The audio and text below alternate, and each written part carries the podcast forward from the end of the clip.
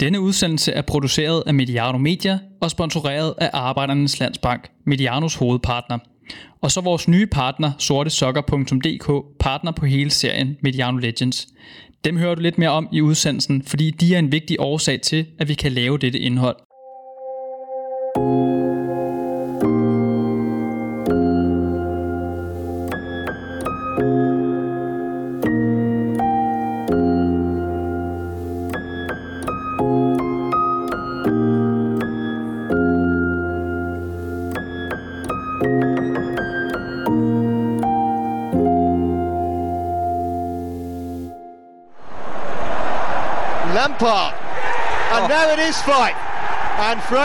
Lampard scores his first league goal for Chelsea. This is Lampard.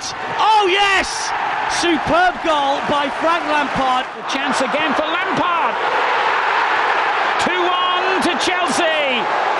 2 for Lampard. Surely be an effort from distance. Oh, what a goal!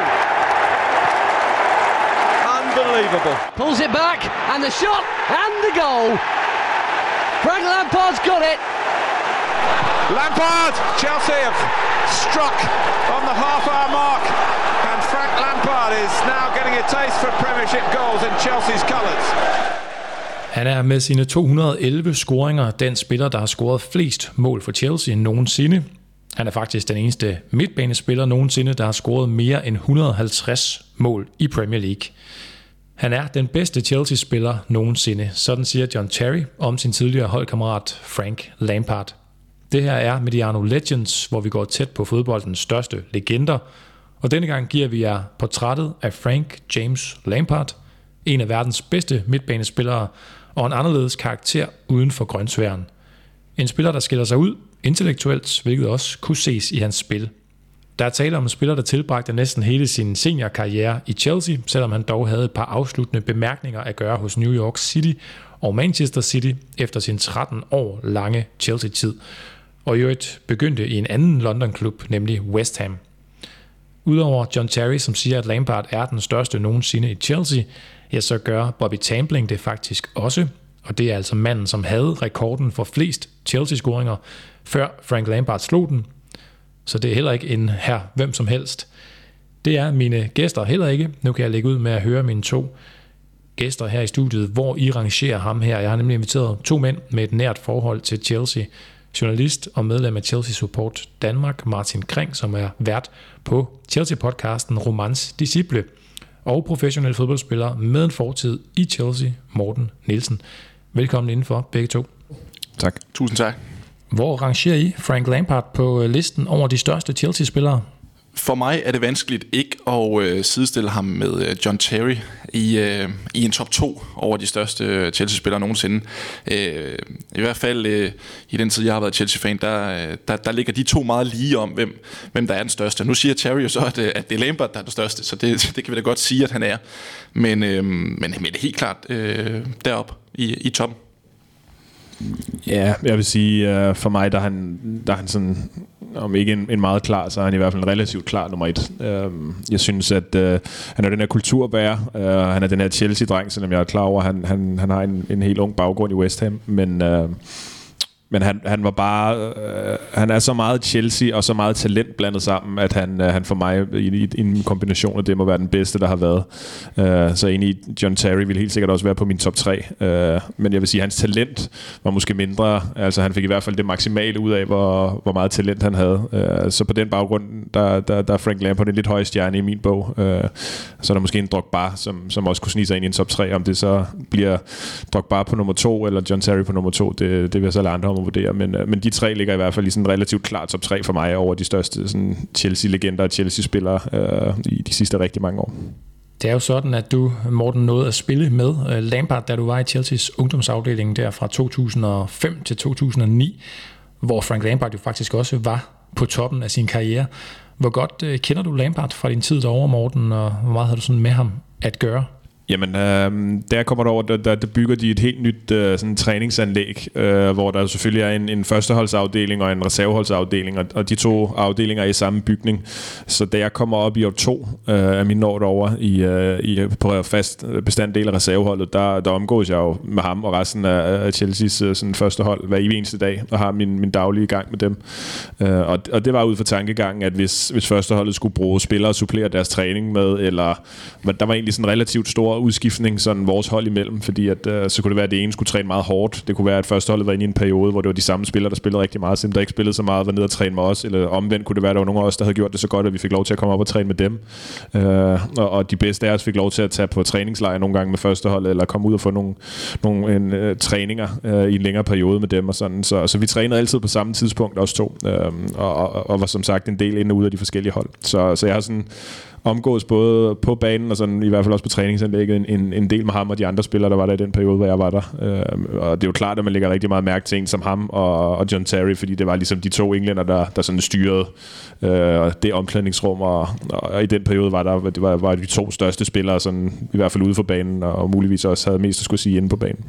Og jeg kan huske, at du har fortalt os, at øh, du havde de der Drogba, øh, eller det var ham, du var bootboy for. Man har jo de her ja, øh, bootboys for de store spillere. Kan du prøve at forklare, hvad, hvad det er, hvad det går ud på? Jamen en bootboy, det var sådan et relativt nyt koncept, da jeg kom ind for KB og, og røg til, til Chelsea. Det er, at øh, det, det er en ung spiller, der, der ligesom sørger for, at øh, en førsteholdsspiller støvler altid er, er kampklar og træningsklar. Så jeg skulle vaske hans støvler øh, igennem et, øh, ja, det var halvanden år, et års tid, halvanden år, øh, af den tid, jeg var derovre. Øh, hvor jeg ligesom altid sørgede for, at i hvert fald et par af hans støvler var, var kampklar. Nogle gange også flere af hans støvler. De, øh, ja, det var så lidt ærgerligt for mig, at de har som regel alle sammen rimelig gode sådan kontrakter med sportsmærker, så de, det er jo som regel ikke kun et par støvler, de har at gøre godt med. Så, så det kunne til tider godt blive mange. Øh, men ej, spøj til side, det, det, var en rigtig god tid. Det var en rigtig god ting, og, jeg, og noget, jeg, jeg støtter 100%, man burde gøre hele verden rundt, fordi at det, det gav ligesom mig et lidt tættere forhold til, nu var det druk bare, jeg vaskede hans støvler, det gav lidt, mig et lidt tættere forhold til ham.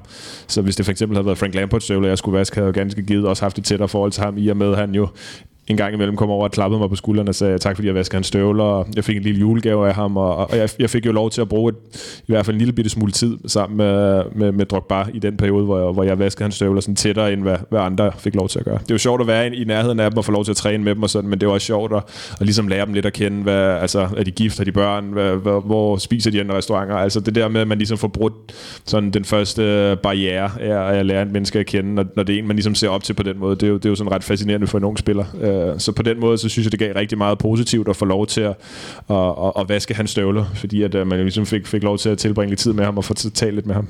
Jeg tænker, man kan være så glad for at få lov at vaske nogens øh, andre støvler, men, øh, men det er, nej, det er jo sådan, at de her bootboys, efter hvad du har fortalt mig også, Morten, er, blev, blev jo behandlet generelt rigtig, rigtig fint af, af de her senior-spillere, øh, som jo så også kunne sådan, lære lidt øh, fra dem undervejs, når man mødtes over, over en støvlevask. Altså mange af de her engelske spillere var og i særdeleshed uh, øh, Lampard, ikke fordi at den her udsendelse handler om ham, men han, han var, jeg husker ham rigtig meget som en, en virkelig sådan engelsk gentleman. Altså han var sådan meget høflig i sin omgang uh, med os, og, og i sin tale måde, sin væremåde. Han, sådan, hele hans kropssprog var sådan ret åbent og positivt over for os. Det virkede som om, han har jo også en helt kæmpe historik med, med Chelsea. Jeg havde det også inden jeg kom, så, så han har jo ganske givet været meget komfortabel på det træningsanlæg, og han skriver også på et tidspunkt en kontrakt til at være den bedst betalte spiller, ikke kun i Chelsea, men sådan i hele Premier League uh, i, i en periode.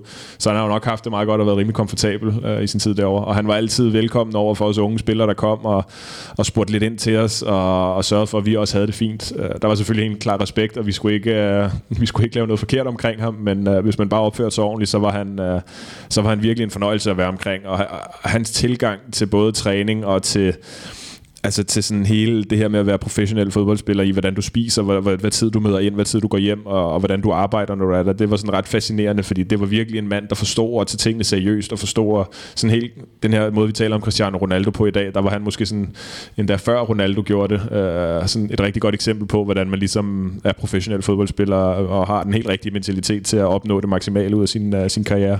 Vi dykker ned i hele Frank Lampards karriere og liv i løbet af den her udsendelse og får tegnet et portræt, der jo næsten ikke kan undgå at blive kærligt, kunne jeg tænke mig, når nu det er jer to, som altså skal være med til at tegne det. Vi begynder fra begyndelsen, plejer man jo at sige, men øh, jeg kunne egentlig godt tænke mig at starte lidt omvendt den her gang, netop ved at høre jer om det her med Frank Lampards afsluttende del af karrieren, fordi så kan vi få, øh, få den af vejen, og så kan vi hoppe tilbage til start bagefter, som i et andet matadorspil. Men det var jo sådan, at Lampard i 2014-2015 sæsonen der spillede for Manchester City efter en 13-årig periode, altså i en, øh, en anden blå trøje, lidt mere mørke i en slags. Og så i 2015-16, som blev hans sidste uh, sæson som aktiv, der var han i New York City, som jo er en del af samme ejerkreds som Manchester City, og uh, det var så først der i 2016, at han lagde støvlerne endegyldigt på hylden. Sluttede Frank Lampards karriere i jeres øjne øh, den dag, han forlod Chelsea?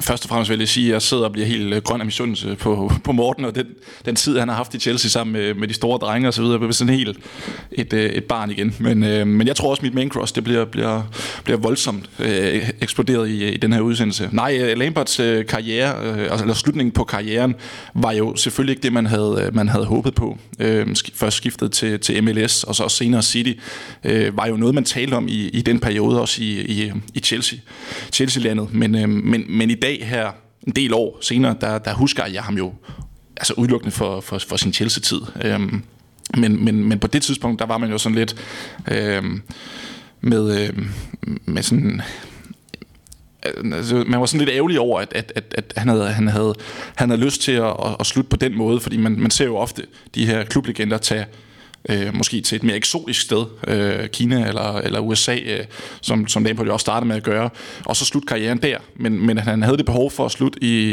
i, eller være i Manchester City i en sæson. Det, det, var, det var selvfølgelig noget, der gjorde lidt ondt om, men så kunne han have valgt en værre klub at, at tage til. Altså, nu er City jo ikke Chelseas største rivaler, øh, og var det heller ikke på det tidspunkt, så, så det kunne have været værre, men, men for mig sluttede, sluttede hans karriere øh, i sådan for alvor i Chelsea, og det er jo også kun det, jeg husker ham for i dag. Hvordan havde I det med at se Frank Lampard i den her lyseblå Manchester City-trøje? Jamen, altså, jeg, jeg synes jo også, at det kunne have været en smuk historie, en smuk sådan krøl på halen, at han ligesom havde sluttet sin meget, meget flotte karriere i Chelsea. Det, det, det tror jeg var sådan en eventyrfortælling, og det er jo bare ikke altid, det lige går sådan. Men jeg synes ikke, det har gjort noget ved hans eftermæle, han ligesom gjorde det. Uh, han har altid udtalt sig som, at, at Chelsea er hans klub, og han har været meget respektfuld omkring det. Og jeg tror også med hans persona, og, og, og hans, sådan, den måde, han har forvaltet sin karriere på, så tror jeg, at de fleste folk, jeg har i hvert fald ikke hørt nogen sådan udtale sig rigtig dårligt om det. Det er selvfølgelig ikke særlig sjovt, da han scorede mod mod, øh, mod Chelsea, det, det er klart. Men, men sådan helt generelt, så, så tror jeg, at alle husker ham som, som Chelsea-spiller. Det, det, det tror jeg ikke kun er sådan Chelsea-fans, der gør det. Jeg tror, han er Mr. Chelsea sammen med, med et par enkelte andre også. Og, øh, og, og det, det, der når ikke rigtigt at blive pillet ved det, fordi han tog en enkelt sæson et andet sted, og, og også en enkelt sæson i USA. Øh, han, han, han, han var og vil altid være en, en Chelsea-spiller, og det er jo kun endnu mere cementeret nu over, at han vender tilbage som manager.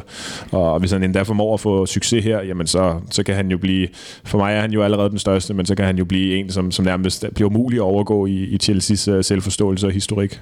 Kunne han ikke bruges i Chelsea længere, siden han måtte forlade klubben, øh, da han måtte, eller hvordan husker I det?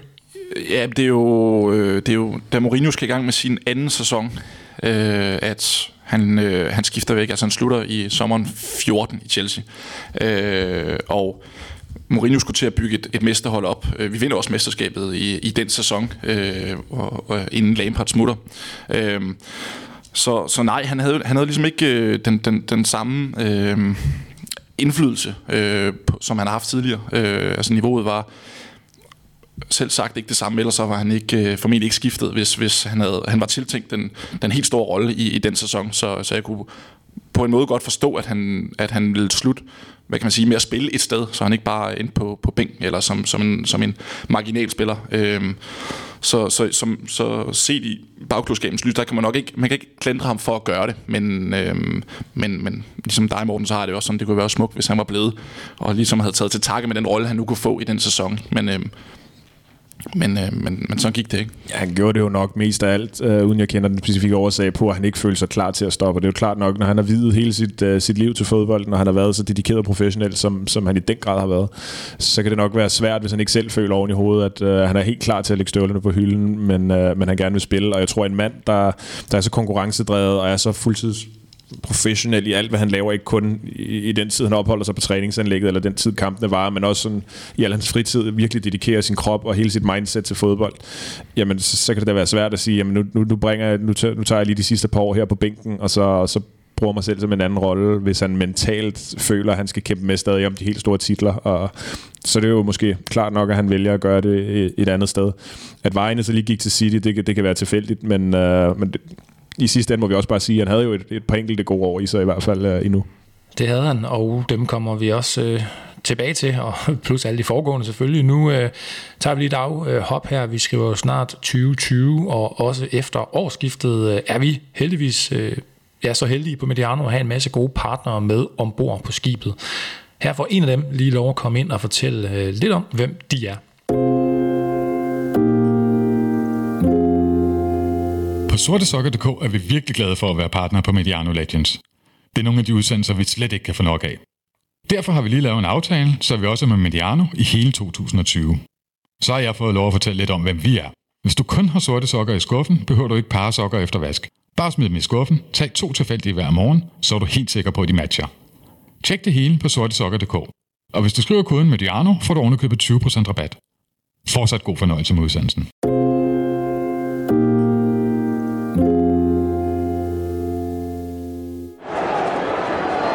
It's Lampard. Oh, it's a glorious free kick. And Frank Lampard has done it again. Lampard, lovely little turn of footing. Oh, what a goal from Frank Lampard! Lampard against Begovic. Oh, he has smashed it home with tremendous gusto. Lampard! Oh, wow! Lampard's free kick. Oh, what a goal! Plays it on towards Lampard, who scores! Frank Lampard for Chelsea! Ja, her var lige et øh, målpotpourri mere fra Lampards side. Man kan ligesom godt fornemme, hvad det var, han øh, blandt andet kunne. Og tilbage til fortællingen, øh, og nu til hans første mål for Manchester City, som jo faktisk var mod Chelsea tilbage i efteråret 2014, hvor han var blevet skiftet ind. Og efterfølgende var der ingen jubel selvfølgelig for Lampard meget respektfuldt, og han har efterfølgende, efterfølgende også beskrevet det som en virkelig følelsesmæssig rutsjebanetur at score det der mål. Og vi kan lige prøve at høre, jeg har faktisk fundet et klip fra øh, Frank Lampard selv, hvor han øh, beskriver øh, netop den der dag, hvor han scorede mod sin gamle klub.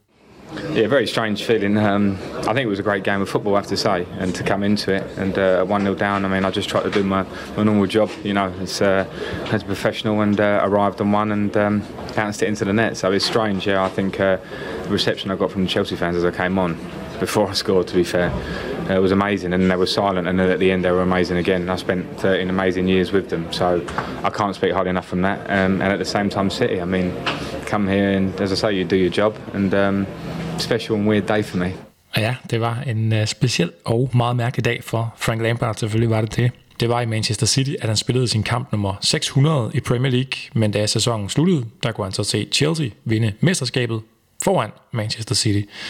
Så på den måde var der lidt øh, poetisk retfærdighed måske for Chelsea-fansene, der jo nok havde det øh, svært med, med at se Lampard i den lyseblå trøje, som I også har været, været inde på.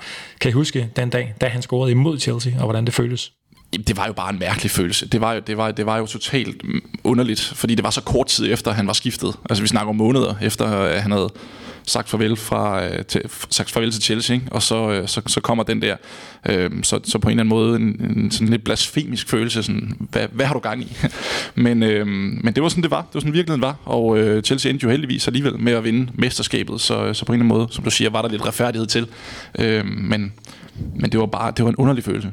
Jeg husker det sådan ret tydeligt, fordi det jo netop er sådan en surrealistisk, øh, altså underlige ting. Og jeg, det, som jeg, husker bedst ved det, det er jo faktisk ikke engang målet, det er hans reaktion bagefter, øh, hvor jeg har helt, det, det her helt klare billede af, at han bare sådan går halvt ud mod hjørnefladen, halvt ud mod sidelinjen, sådan helt, han kigger ikke rigtig på nogen, sådan, han stiger bare lige ud og, og går, og så tørrer han sig lidt om næsen, og, og sådan, der, der, var, der var ingen reaktion overhovedet, det var sådan meget underligt at se på, øh, og det, det må også, jeg, jeg tror virkelig på, når han siger, at det har været sådan helt ambivalent, det, det, det må virkelig have været en mærkelig følelse for ham, øh, men, øh, men, men jeg husker nærmest den der reaktion bagefter bedre, altså der må virkelig have været mange følelser for ham, der, der far igennem hovedet, men øh, ja, det, en, en, en meget spøj situation, at det lige skulle ske for ham. Det, øh, det var nok ikke mange, der havde set komme. Frank Lampard, bang! He never lets them down. And becomes, in it goes, legend. Vi spoler tiden tilbage til øh, Frank Lampards opvækst og ungdom. Hans far, Frank Lampard senior, ja, han var jo landsholdsspiller og øh, også midtbanespiller i øvrigt. Og det var en fodboldfamilie, han voksede op i. Frank, øh, hans onkel, jamen det er jo den tidligere West Ham og Tottenham manager, blandt mange andre øh, ting, Harry Redknapp. Så fodbold fyldte meget, når man mødtes til familiemiddag, og også i hverdagen og i weekender selvfølgelig, der var man ude øh, på, på diverse græsbaner. Frank Senior nåede næsten 700 kampe for West Ham, hvor han spillede med både onkel Harry og en anden legende, Bobby Moore i øvrigt, som øh, Frank Lampard måske endda endte med at minde lidt om til dem, der kan huske ham. Det var et fodboldhjem, som jeg var inde på, og det var et klassisk engelsk hjem, hvor far Frank også ofte tog ud på pop sammen med drengene, blandt andre onkel Harry og Bobby Moore. Franks mor, Pat, hun var hjemmegående og tog sig af de huslige pligter. Og Harry Redknapp, det var ham, der var gift med søsteren Sandra, altså Franks moster. Han siger, det er hans skæbne at blive en stjerne. Han er dedikeret, han træner som en dæmon, han er en god fyr, og han har en fremragende attitude, altså om Frank Lampard. Han skulle jo næsten også rose ham, god øh, gamle onkel Harry. Men, øh, men det er selvfølgelig også noget, du kan tale med om det her, Morten. Hvordan øh, kom Lampards attitude og dedikation til udtryk? Jamen, jeg husker ham jo, der, og der var faktisk flere gode eksempler, øh, da, da jeg kommer til, øh, til Chelsea dengang. Øhm, og det, det, det er jo virkelig noget, man lægger mærke til, de her spillere, der virkelig dedikerer sig selv på et helt andet niveau, end hvad man tænker nærmest er, er muligt som en ung spiller at komme over, hvor man nærmest... Altså, jeg kom jo sådan lige ud af folkeskolen, og var vant til at gå til nogle... Øh, der var nogle af mine venner, der havde fået lov til at holde fester hjemme i, min, i deres forældres hus, og det, det var sådan den baggrund, jeg kom fra, og havde brugt fodbold sådan efter skole og før skole, og det var sådan det mest seriøse, jeg havde været vant til nærmest, og så var jeg på nogle ulandshold og sådan. Og så kom over og se de her spillere, der bare, altså vi skulle være på træningsanlægget, lad os sige klokken 9, jeg kan ikke lige huske præcis tidspunkt, og se nogle af dem her, der bare mødte ind hver dag tidligt, øh, og var nede og styrketræne som det første, og cykle for at få deres ben i gang. Det har jeg så lært efter jeg blev ældre, det, det er en meget god idé lige at gøre, som det første om morgenen. Men, øh, men det gjorde de også hver evig eneste dag, og der, der var han ikke alene, der var også en, en Wayne Bridge, som var enormt seriøs, øh, og der var en John Terry, der var en Frank Lampard, der var en Joe Cole, som, som desværre havde en forfærdelig skadeshistorik, men som også virkelig, altså passet på sin krop, på trods af, at han bare var lidt genetisk uheldig, har det, har det lavet til. Øh, men der var nogle af de her drenge, hvor Frank Lampard bare var, var en af dem, og det var helt naturligt for dem at, at, at møde ind der tidligere om morgenen og gå ned og svømme, eller gå ned og cykle, og så gå op og spise øh, noget, noget morgenmad, og så gå ud på banen, og så, altså, bare virkelig træne igennem. Altså jeg tænker på, nogle af de her opstartstræninger, der, der, der kan du komme imod spillere, som øh, når du skal spille en mod en, der du ved, ja, man, man, holder lige igen, fordi der er egentlig ikke nogen af os, der gider at løbe sådan rigtig meget. Der fortsætter mig et helvede at komme over for sådan nogen som Frank Lampard og, og John Terry, fordi de ville vinde alt, hvad de lavede, og de havde bare en motor, og, og de havde en mentalitet, der bare gjorde, at der var altså ikke nogen træninger, hvor, hvor de gik øh, 90% ind til det. Det var, det var 100% hver gang. Og jeg kan huske, at der var nogle af de her, som unge spillere, der så vi jo mange sådan motivationsklip og, og ting fra førsteholdet med, hvordan spillestil skulle være, men også nogle gange, hvordan tilgangen til tingene skulle være. Og der var bare en del klip fra træning også med, med blandt andet Frank Lampard en gang imellem, hvor man så træningsøvelser, der var færdige, men hvor de bare jagtede en bold helt vildt, og så lossede den ud af kommunen, fordi det var bare sådan, den skulle clears. Altså det var ikke nok med, at han bare øh, havde vundet lige den enkelte øvelse. Han, han jagtede den virkelig videre og, og takler den ud af banen. Det var sådan ret imponerende at se den tilgang til træning, og man kunne virkelig se i hans kampe også, at der var ikke nogen kampe, hvor han spillede sådan halvt. Altså det var sjældent, han havde sådan en rigtig dårlig kamp. Og det er jo, fordi han trænede, og, og hele hans tilgang til det var på den måde, det var. Og også altså de ting, som jeg hørte, som jo nok har været begrænset uden for banen, det var jo også, at han var altså professionel. Han, han passede på sig selv. Han vægtede sin familie højt. Øh, hans onkel, hans øh, far. Og det her tror jeg virkelig, har, han, han har haft en høj stjerne til, og et mål om at overgå dem. Øh, og, og der, der må man bare sige, at han er opdraget øh, med en vindermentalitet, tror jeg, ud over det sædvanlige. Øh, hvis man skal drage en parallel, så kan man vel sige, at Kasper Schmeichel har lidt af det her i, i Danmark nu med hans far. Det virker også til, at han har fået en rimelig solid vindermentalitet implementeret fra barns ben af. Øh, og, og det var jo noget, vi så, øh, fordi det jo ligesom foregik på det her træningsanlæg. Så når man mødte ind hver dag, så kunne man altså se dem, man gerne ville op og, og være på siden af. Hvis man skulle bare altså nå dem nogenlunde, jamen så blev du nødt til at i hvert fald lave som minimum det samme, som var ret ekstremt, men også endnu mere end det, hvilket kan være svært. Øh, Øhm, så, så de var virkelig et, øh, et stærkt forbillede, øh, og virkelig noget, man kunne spejle sig selv i, og, og når jeg tænker tilbage, så er det jo virkelig det, det kræver at være ikke bare professionel, men at nå verdenseliten. Altså, der, der bliver du nødt til at arbejde på det niveau øh, hver evig eneste dag, også, øh, også når turneringen ikke nødvendigvis lige kører. Og Morten, du beskrev ham som den der engelske gentleman tidligere. Hvordan gebærdede han sig sådan på træningsanlægget? Jamen, han, han var jo altid meget velklædt, og han var, altså det, det, det kan lyde som en kliché, men, men jeg, jeg synes, han havde en god stil, en fed stil, øh, var meget velklædt. Han, han var altid, det var ikke sådan, han mødte ind med morgenhår, altså han lignede en, der gik sådan i bad hver morgen og kom ind, og hans hår sad, og han havde pænt tøj på. Øh, han gebærdede sig bare meget ordentligt. Øh, der var ikke nogen tvivl om, at han tjente øh, gode penge, fordi det kunne man også se i de biler, han kørte og sådan, men, men hele det her billede, jeg har af ham, det er bare, at han var, sådan, han var en rigtig stilet fyr, hvor man kan sige, hvis, hvis man ikke vidste, at han var fodboldspiller, jamen, så har jeg nok skudt ham til at være direktør i en større virksomhed, eller sådan et eller andet. Øh, og så, så havde han jo også lidt en profil, hvor at, når han trådte ind i rummet, jamen så, så var det jo ikke sådan, man lige pludselig fyrede en eller anden højlig joke af, eller et eller andet. Altså, så respekterede man, og når han satte sig ved et bord, hvis man selv sad ved samme bord, jamen så ventede man til, han havde talt, før man ligesom selv begyndte at tale. Det var sådan lidt den aura, han gebærdede sig rundt med.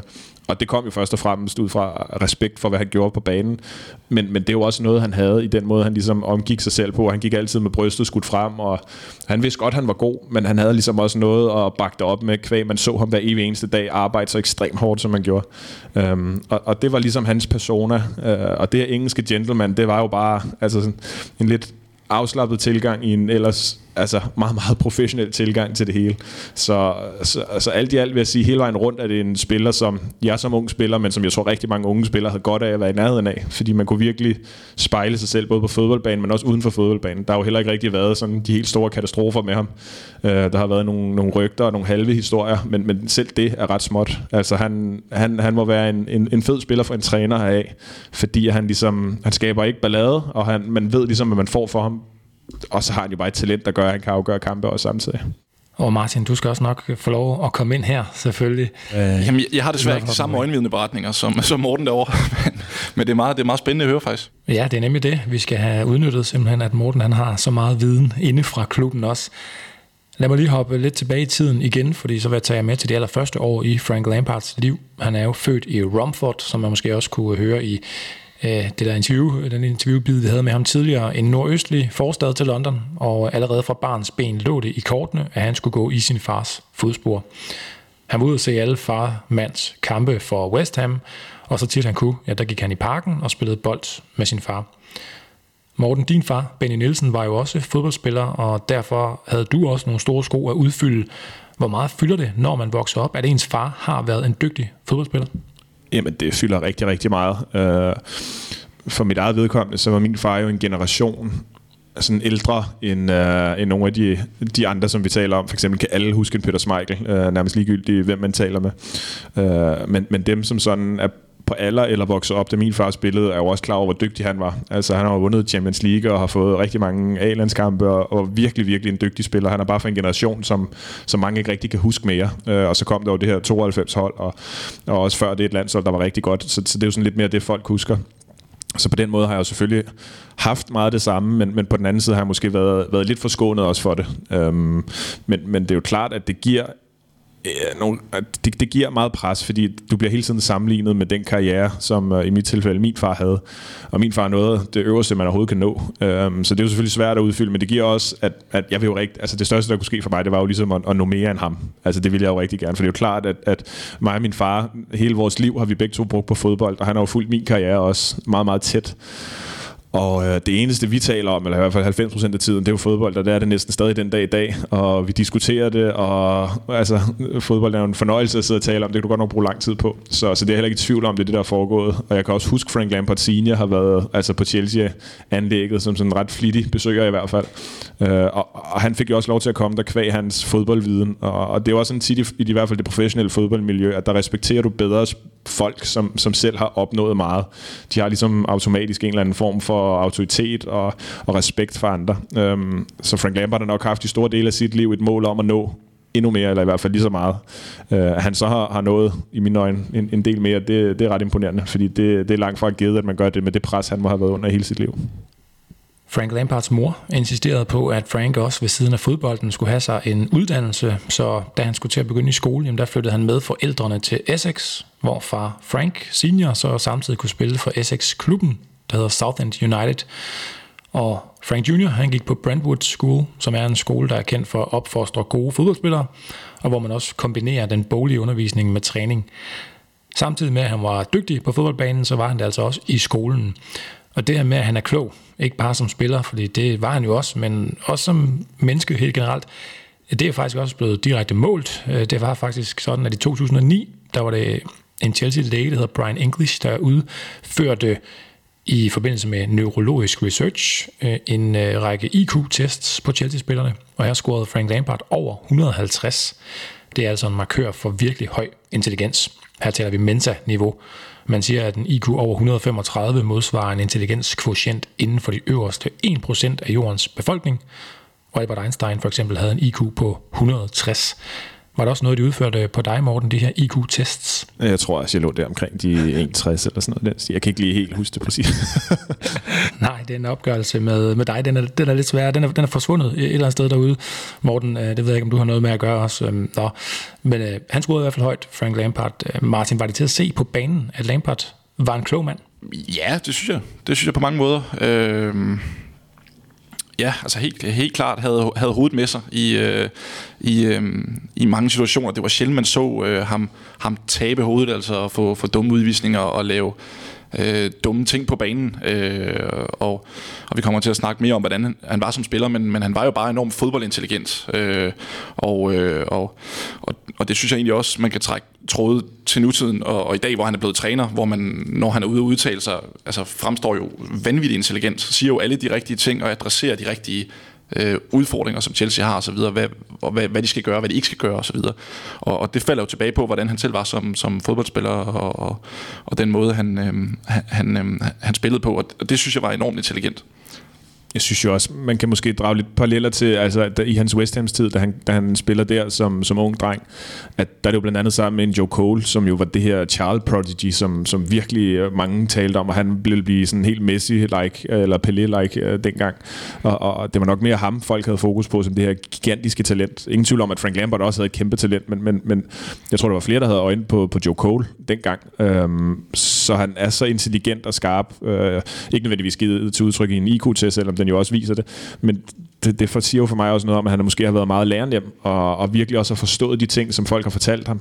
Øh, det kan jo i høj grad også have været hans far og hans onkel, øh, Harry Redknapp og Frank Lampard Senior, der, at han forstår de ting, de siger, at det ikke bare er noget, han lytter til, og så går han ud og, og gør et eller andet. Altså han, han, han, han tager imod råd, og han forstår råd, og så går han ud og, og udfører det råd, som han nu har fået. Øhm, fordi ingen tvivl om, at, at han har haft et stort talent, men det er der rigtig mange, der har rundt omkring i verden, som aldrig nogensinde når Frank Lambert til sokkerholderne. Så det kan jo være et udtryk for, at, at, at de ting, som folk har lært ham, og de ting, som han ligesom har haft tilgængelige for sig, kvæg sin far, sin onkel og nogle af de her trænere, han har haft, at han virkelig har formået at forstå, hvad de siger til ham, og så bruge det på bedst mulig måde til, at, til at få det maksimale ud af, hvad han har. Fordi der er jo også en grund til, at han ligesom har nået det med sit talent, og der er så mange andre, der er faldet fra hen ad vejen. Øh, det er jo nogle gange også en, et, et udtryk for, hvor, hvor intelligent man er, og de ting, man får at vide hen ad vejen i sit liv, hvordan man, man vælger at bruge de, de midler, man har. Jeg synes, at de ting, du har, har, har beskrevet, morgen omkring ham uden for banen, på, på træningsanlægget og så videre, beskriver meget godt, at, hvor intelligent han, han har været. Altså ikke bare, øh, når det kommer til 11 mod 11 på, på banen, men også hele det at have et, et fodboldliv og en fodboldkarriere, tage de rigtige beslutninger og gøre de rigtige ting, sige de rigtige ting, og så videre, og så videre. Der, der virker han jo bare øh, på, øh, på toppen. Og noget af det her med at være meget vældigt også. Øh, altså han har jo det her, øh, han har jo ligesom, når folk taler om Frank Lampard, så er det jo næsten altid i positive vendinger, netop fordi der ikke har været de her skandaler. Og det, gør, det var, sådan var det jo også på træningsanlægget, og, og hvad man kunne forstå for den engelske landsholdslejr også, i hvert fald, hvad jeg har kunne læse mig frem til. Og det gør jo også nogle gange, at når du har downperioder, hvilket han også har haft i sit liv, at, at du så har nemmere ved at komme op igen, fordi at hvis du er meget vældig, jamen så er der rigtig mange, der gerne vil hjælpe dig tilbage på sporet, og du får måske lidt længere snor, fordi du er en vigtig person, og du er en, som folk ønsker det bedste hvor at, øh, fodbold er jo virkelig konkurrencedrevet, så hvis du samtidig også er meget egoistisk, eller måske ikke forstår at få andre med dig, jamen så kan det være, at når det så går ned ad bakke, jamen så, så kan det måske være lidt svært at hive dig selv op, fordi så er du lidt mere alene om det, end øh, hvor jeg tror Frank Lampard har haft rigtig mange spillere i Chelsea og på landsholdet og rundt omkring så familiært, som, som virkelig har ville hjælpe ham og, og, og har, har kunne løfte ham i de perioder, hvor han har haft det lidt svært i livet. Ja, det er jo absolut også vigtigt at have for, for både Lampard og, og alle mulige andre for den sags skyld. Frank Lampard kunne sandsynligvis have fået lige den uddannelse, han øh, ville, i forhold til det her med intelligens, som vi har talt om nu. Øhm, han drømte ikke om at læse, han, øh, hans liv var ligesom dedikeret til fodbolden, og han spillede fast på sit skolefodboldhold i Essex, og spillede ualmindeligt godt af en skoledreng, og det havde fået øh, mange professionelle klubber til at allerede holde øje med ham dengang. Vi ved, at blandt andet Arsenal tilbød den dengang 16-årige Frank Lampard en kontrakt, men der var jo det her tilhørsforhold til West Ham fra hans fars side, og da West Ham så meldte sig på banen, jamen, så tog Frank Lampard altså dertil. Og Martin, det her med, at han jo ikke er en del af Chelseas ungdomsakademi eller noget i den retning, men at han har sin ungdomsfortid i netop West Ham. En anden London-klub, ikke måske ikke den største rival, men altså ikke, ikke sådan kommet op igennem rækkerne i Chelsea. Hvor meget fylder det, synes du, i fortællingen om Lampard? Altså, anser du ham alligevel for at være en, en one-club player, fordi han var i Chelsea gennem så mange år? Nej, det gør jeg ikke. Øh, det, gør, det gør jeg sådan set ikke, fordi så tror jeg, at man fornærmer de spillere, som er en one-club-player, som kun har været i én klub. Lampard har alligevel været i, i de her 4-5 klubber i løbet af sin karriere, og man kan ikke rigtig negligere den tid, han havde i West Ham, fordi han kom til Chelsea som et kæmpe talent fra West Ham. Øh, der var al den her snak omkring... Øh, nepotisme og så videre, om at han kun blev, blev spillet i West Ham, fordi at det var, det var hans onkel, der var, der var træner og så videre, så, så han havde egentlig ikke det bedste forhold, så vidt jeg har hørt i hvert fald, til, øh, til fansene i West Ham. Øhm, så jeg synes ikke rigtigt, man kan, man kan underkende den tid, og, og som du siger, han blev udviklet øh, som, som et talent udklækket, som et talent i West Ham, og kom så til, til Chelsea, fordi at at, øh, at, han var, at han var spændende og et stort talent osv. Så, så, så det her med one club player, det er lidt svært, og jeg synes, jeg synes man, skal, man, skal, man skal lidt forholde sig til definitionen af en one club player. Det er, når du kun har spillet i én klub, øh, og det har Lampard ikke, så på den måde synes jeg ikke, han er. Øh, når, når man tager de forbehold med, at han har, han har været i både West Ham og City. Nu henvender jeg mig lige til lytterne for en kort bemærkning, fordi heldigvis har I her i løbet af det forgangne år taget rigtig godt imod mange af de nye partnere, som Mediano har fået i løbet af året, der snart er omme. Og tusind tak for det selvfølgelig. Jeg giver lige ordet til André fra sortesokker.dk, som I efterhånden øh, nok er ved at have lært at kende. Han er, eller de er, grunden til, at vi kan lave Legends, også La Liga og CA, som jo er vendt tilbage. Og det er de øh, som end også i 2020, sortesokker.dk er nemlig med ombord. Og han vil også gerne sige rigtig mange tak, fordi at I har taget godt imod dem.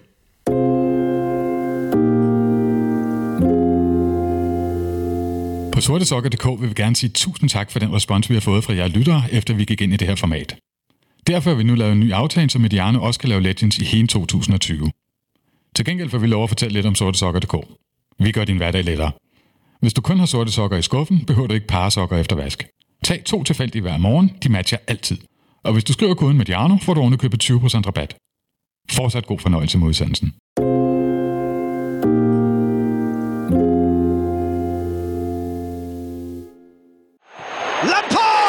What a finish that is! Is a truly first-class goal for Chelsea from England's Frank Lampard. And back in again, and into the net. What a glorious finish by Frank Lampard. Ball runs loose, Lampard. Brilliant stuff. That was so good from Frank Lampard. Ja, det er en masse scoringer fra Chelsea-tiden. Øhm, hvis vi kommer tilbage til West Ham, det var ikke fordi, det blev en succes fra start i, i West Ham øh, for Frank Lampard der i de unge dage. Han spillede for ungdomsholdet det første år, så blev han udlånt til Swansea, der lå i anden division på det her tidspunkt. Og da han så kom tilbage, der begyndte han faktisk at få spilletid på førsteholdet. Men i foråret 1997, der brækker Frank Lampard sit ene ben. Og efter sine var han i den her periode faktisk tæt på at droppe sin karriere som fodboldspiller, og så i stedet sats på den her boglige uddannelse, som moren også gerne vil have. Men som han selv har udtalt, så er han også blevet opdraget med, at man skal kæmpe for tingene, og man skal gøre de ting, man er gået i gang med, færdige. Under skadesperioden her, der er det hans onkel Harry Redknapp, som bliver ansat som træner i West Ham. Og det var faktisk ham, der så øh, gav Frank chancen. Og han begyndte at, øh, at bide sig fast på førsteholdet i West Ham der i 1997-98 sæsonen, altså efter skades pausen, og øh, i år, øh, eller året efter, der var Lampard med på det West Ham hold, der blev nummer 5 i Premier League, deres højeste placering faktisk i ligaen til dato. Og igen var der så større klubber efter Frank Lampard, men han forlængede faktisk i stedet sin kontrakt med West Ham og endte med at være der i seks sæsoner i alt. Endelig lykkedes det så for en større klub at få ham overtalt til et skifte, og det var Chelsea, der i 2001 altså fik øh, sat kløerne i ham. Der fik han også en turbulent start på livet i, øh, ja, nu i en, i en, en endnu større klub, kan man sige, fordi at kort efter han havde fået debut imod Newcastle i august 2001, der måtte han stå skoleret for Chelsea-ledelsen, fordi han havde været i byen med et par holdkammerater oven i købet efter den nederlag. Det kostede ham et par ugers løn, og øh, formentlig kostede det også et knæk i, i stoltheden for en, en ellers stolt øh, mand i, i Frank Lampard. Og så er der jo noget med den her øh, sexvideo, øh, som vi næsten også er nødt til at, at lige nævne. Øh, der er også noget med noget øh, druk på et hotelværelse, hvor han vist havde været, efter sine, havde været ubehøvlet over for nogle amerikanske turister, og det var kort efter 9-11, så det var jo heller ikke nogen flatterende sag, kan man sige. Øh, men hvor mange af den her slags episoder har der været omkring Frank Lampard? Hvad har I kunne grave andre frem end lige dem her, som jeg nævner? Meget, få, meget få, ikke? Jo, øh, ikke, ikke særlig mange. Ja. Altså, øh, jeg kan også huske, der, der florerede den her sex-video-ting i et eller andet fra et hotelværelse. Uh, som, altså, selvfølgelig var det en historie, men det er jo ikke sådan en, der blev udbredt helt vildt. Uh, det var en overskrift, men jeg synes aldrig rigtigt, den tog skridtet til at være sådan en, der har defineret ham eller, eller hængt på ham. Uh, jeg, jeg synes stadig, at han... Uh, han har, han har klaret en, en professionel tilværelse med så meget mediefokus, uden jeg faktisk rigtig at kunne finde andet end det. Øhm, så, så jeg synes egentlig, han, har, han, han har formået at opretholde et image i hvert fald. Om det så er, er den helt sande historie. Det, det, men i hvert fald, hvad vi kender til, så, så har der ikke rigtig været så meget andet, og han virker som den her familiære mand. Han har tre børn og sin kone, som han respekterer meget højt. Så var der jo senere i hans liv, hvor han oplevede en kæmpe tragedie i en Champions League semifinale med, med hans mor, øh, der gik bort øh, i, i 2008, hvor, hvor han jo også fik enormt meget medlidenhed, og, og, og de ting, han sagde og gjorde, hvor han jo så også scorer på straffe, øh, efterfølgende vælger at spille kampen mod Liverpool. Det, øh, det synes jeg i større grad har været med til at tegne et billede af ham, end den her ene, øh, skal vi sige, lidt større sag, der har været om ham, som, som jo engang var en kæmpe sag, synes jeg. Um, så, så jeg synes, han er, han er på alle ledere og kanter, øh, uden et lille bump på vejen, øh, har, har formået at opretholde et image af at, at være den her lidt gentleman, som jeg kalder ham, men i hvert fald have et, et rigtig flot image, øh, også i dag, øh, hvor man taler om ham på, på nærmest kun positive vendinger, også uden for banen. Og ja, det man også lige skal notere sig omkring den her historie med den her sexvideo og, og det druk, der foregik, det var jo, at den, den kom i en periode, hvor han var en del af et, øh, et engelsk landshold med, med mange store profiler, som, som, som havde nogle disciplinære problemer. Altså der var nogle af de andre øh, store drenge, store kanoner fra det engelske landshold, Ferdinand, øh, Ashley Cole, øh, Beckham, øh, Terry osv. Altså det var, det, han var en del af det her sådan lidt sådan, øh, nogle lidt flamboyante typer. Øh, og det var så også, øh, så vidt jeg har hørt, nogle af de drenge, som var med på den her tur, øh, hvor det nu end var, jeg kan ikke huske, hvor det var, men som var en del af den her historie omkring øh, sexvideoen. Øh, men, men, men det er også det eneste, der har været. Jeg har faktisk ikke hørt om den der øh, historie, du startede med at fortælle om, med, med, med en bytur efter et nederlag. Det har jeg faktisk ikke hørt om. Men, øh, men, men ellers så står det jo bare i skærende kontrast til, til det der ry, som, som den pæne dreng, som han jo, som han jo er og har, har været. Ikke? Så, så nej, altså, man skal også lige huske at, at, at, at, at sætte det ind i en kontekst. Øh, men, men der er ingen grund til at, at lade det få for meget fokus, at han har været en, en skarnsknæk, for det har han jo ikke. Nej, det kan man trods alt nok ikke øh, sige, at han har. Øh, da han først kom til Chelsea, der troede han jo faktisk, at han skulle over og sidde på bænken i en stor klub, og, og havde svært ved at få, øh, eller ville få svært ved at konkurrere med de mange store stjerner. Det var ikke en Frank Lampard, der havde den selvtillid, som han senere skulle få. Og han forklarer selv omkring al den her spekulation, der hele tiden var omkring store stjerner, der skulle til Chelsea. Den ene dag ville de købe fem nye midtbanespillere, og den næste dag ville de købe fem nye angribere, og han var ligesom sikker på, at han ville blive skubbet ud på et tidspunkt af en masse verdensstjerner. Men øh, sådan gik det jo så ikke. Hvor hurtigt blev Frank Lampard et stort navn i Chelsea, og øh, hvad vil I sige, han var, da han kom til klubben? Han blev, han blev stor navn med det samme. Altså, så vidt jeg husker, så spillede han en, alle kampe i den første sæson, og det er jo en meget god indikator på, hvor, hvor, godt, øh, hvor, godt, hvor godt man er kørende, og hvor, hvor vigtig en spiller man er for et hold. Øh, så, men han kom, han kom jo til Chelsea som det her øh, store talent fra, fra West Ham, som du siger, det her midtbanetalent, som mange store klubber var, var interesseret i, og, øh, og øh, blev så lynhurtigt en profil på, øh, på, et, på et spændende Chelsea-hold. Så, øh, som, som man må sige, han, han, han, tog lidt, øh, han tog lidt Chelsea med storm i, øh, i den første sæson. Det, det, det er ret imponerende at spille så mange kampe. Øh, han har altid talt meget om sin gode opdragelse hjemmefra. Øh, Frank Lampards far, Frank Senior her, han lærte en masse efter sine af legenden Bobby Moore, mens de spillede sammen for West Ham og for England. Og Bobby Moore var en spiller, der altid var rolig, en hårdt arbejdende spiller, og det er også sådan, at man hører, at Frank Senior han så øh, prøvede at opdrage sin søn. Man passede sin træning, man kom hjem med blå mærker på knæene, så blev man smerten i sig, også hvis man fik et øh, slag øh, eller en skade, og så stod man op, og så passede man sin træning igen. Og Frank Lampard var en spiller, der virkelig passede godt på sin krop, må man sige, og som altid var fit til at spille. Han missede jo simpelthen bare stort set aldrig en kamp, ham her. Altså på et tidspunkt omkring 2004 og 2005 øh, årene sæsonerne der, der spillede Frank Lampard 130 kampe i streg. Altså fuldstændig uden at misse en kamp. Hvilket daværende Manchester United manager, legenden Sir Alex Ferguson, øh, kaldte for freakish. en øh, lidt underlig måde at udtrykke det på måske, men man forstår ligesom, at han mente, at det nærmest var unaturligt, at Lampard simpelthen ikke øh, kunne blive skadet. Den rekord, den forbedrede Frank Lampard i øvrigt til øh, 164 kampe i streg, hvilket er Premier League-rekord stadigvæk. 164 kampe uden at misse en kamp med en skade eller en karantæne. Det er alligevel voldsomt stabilt. Lampard selv siger, at han ikke er nogen Braveheart, men at han godt kunne spille, selvom han havde mindre slag eller skader. Og så lavede han bare sine træningsøvelser godt og grundigt, ekstra godt dagen efter, og sørgede for at holde sin krop så fit som muligt, så han kunne spille så meget som muligt. Var han i virkeligheden lidt ligesom Cristiano Ronaldo, som han også altid er blevet rost for, øh, ja, i forhold til det her med at passe sin krop. Altså, øh, var det også noget af det, der, der sådan kendetegnede ham og, og, og gjorde den store karriere, han fik? Ja, det, det, det synes jeg lidt, han var. Altså, Ronaldo har måske haft øh, et ja, jeg ved ikke, om det er et større talent, men han er i hvert fald, øh, han er i hvert fald en større spiller, end, end, end Lampard er. Øhm, så det kan jo godt være, at han har haft et lidt større talent, men, men jeg tror, deres, deres tilgang til det, øh, sådan rent arbejdsmæssigt, er meget det samme.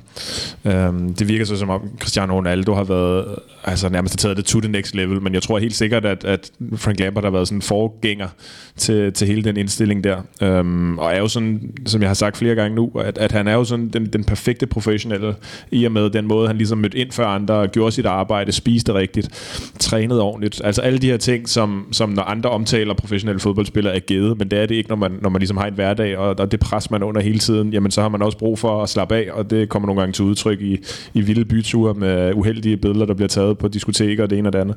Jamen det har, det har Frank Lampard lidt været forskånet for, han er mere bare, når vi omtaler ham i dag, jamen så, i hvert fald når jeg tænker tilbage på ham, så er det lidt mere her, de, de ting, han har opnået, de titler, han har vundet, de kampe, han har spillet i streg uden at være skadet, øh, de her ting, der fylder, og ikke nødvendigvis, at han har været på, i byen til klokken øh, meget sent om natten, eller han har skaret fuldstændig ud i perioder af sit liv, eller han er blevet skilt, og alle de her ting.